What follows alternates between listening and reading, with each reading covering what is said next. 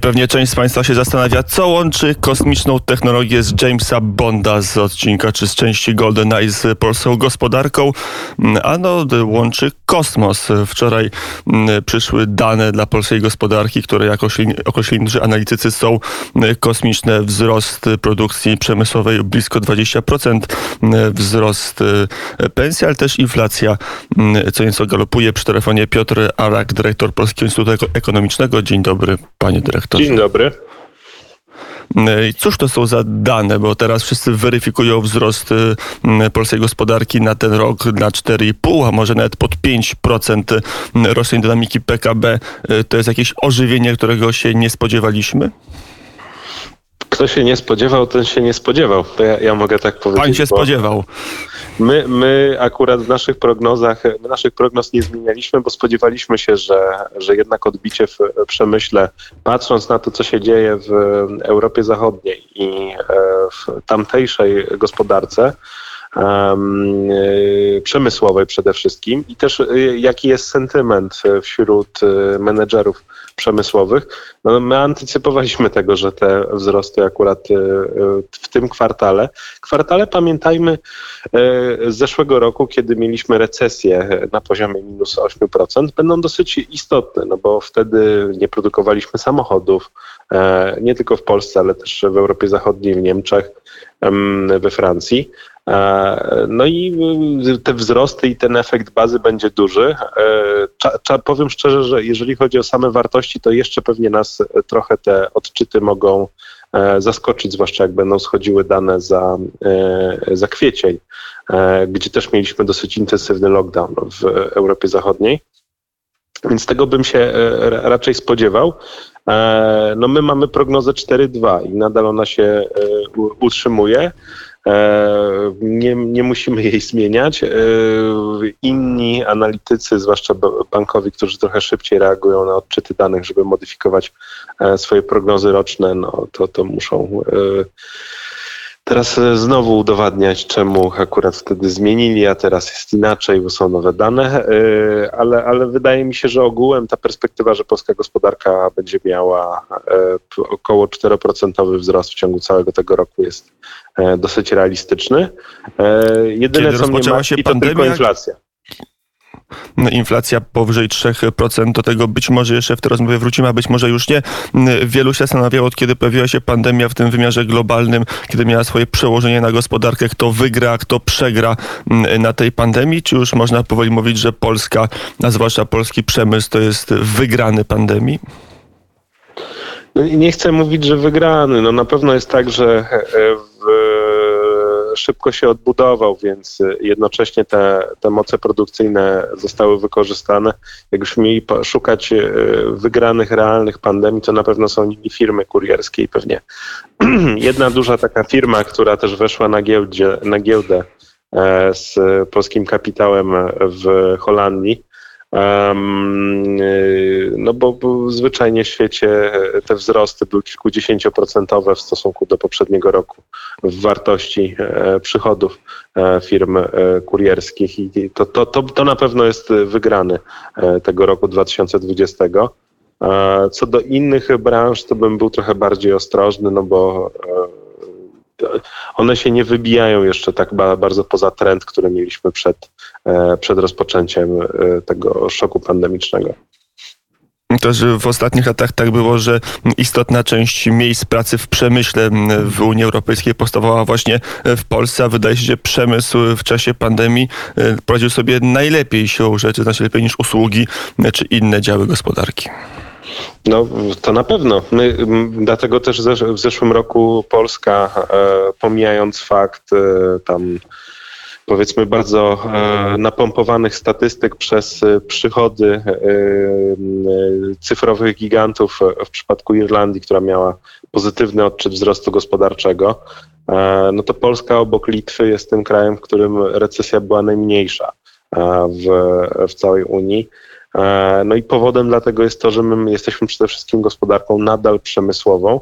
Usługi odgrywają u nas coraz istotniejszą rolę, ale nie aż tak dużą. Jeżeli nawet są usługi, to są to usługi biznesowe, e, często też eksportowane do innych krajów Europy Zachodniej.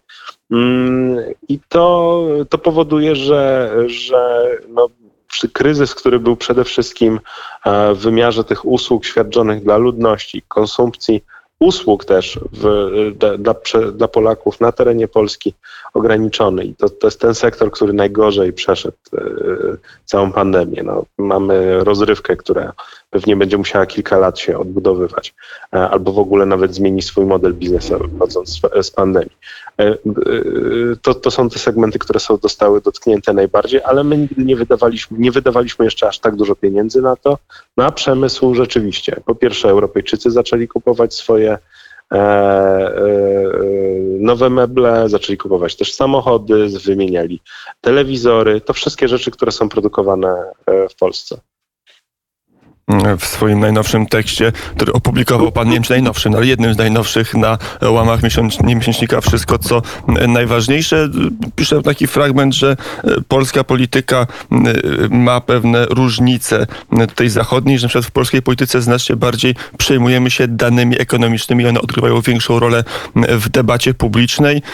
No to skoro mamy te dane, które nie są najgorsze, mamy też naszą specyfikę, jaką jest zachowanie przemysłu, to na te dwie e, konstatacje dorzućmy pana ideę, żeby budować e, czy opierać naszą filozofię rozwoju na dokonaniach wielkiego hetmana Jana Zamońskiego.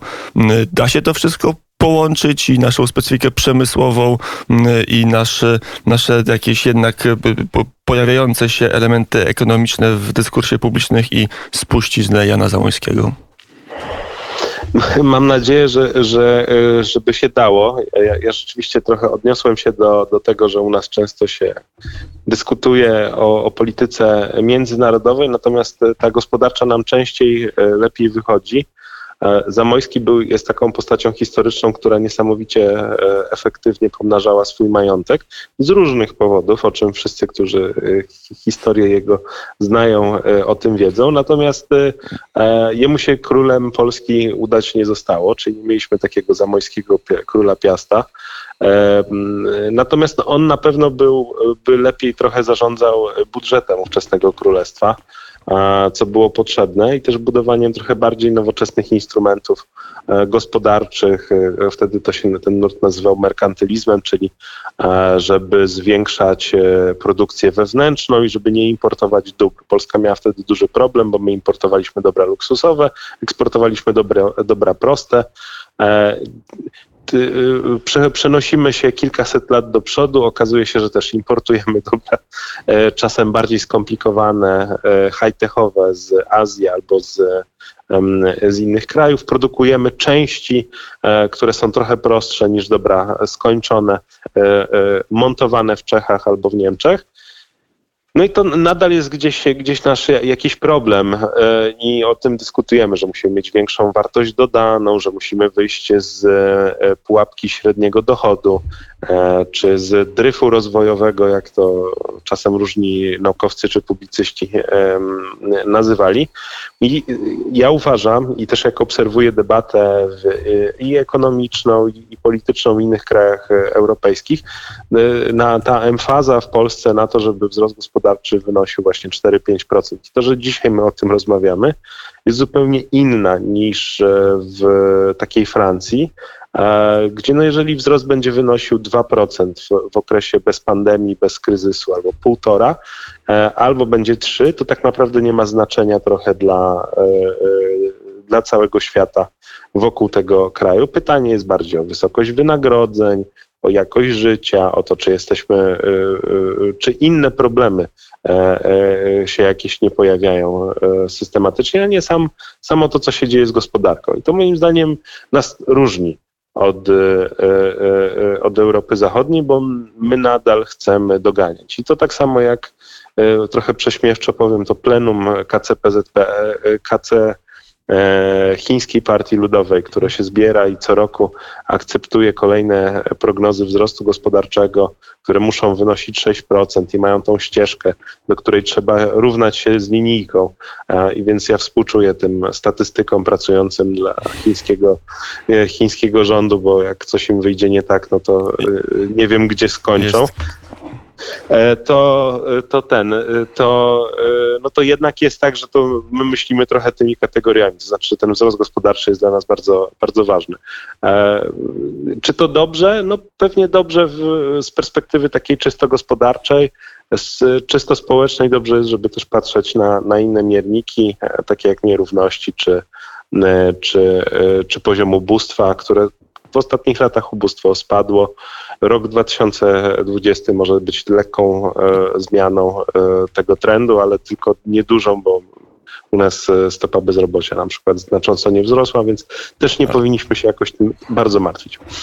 Ale żeby doganiać, to musimy mieć nowe idee. E, Te, taką ideę miał Jan Zamojski, ale o tym, jaka to była idea, to będziemy musieli powiedzieć następnym e, razem, e, zostawiając Państwa z lekkim niedosytem i ze znakiem zapytania. No chyba, że ktoś sięgnie po odpowiedni miesięcznik, wtedy dowie się szybciej, ale można też posłuchać na Albo po biogramie Jana Zamojskiego. Chociażby Piotr Arak, dyrektor Polskiego Instytutu Ekonomicznego, był gościem poranka wnet. Dziękuję bardzo za rozmowę. Dzięki bardzo.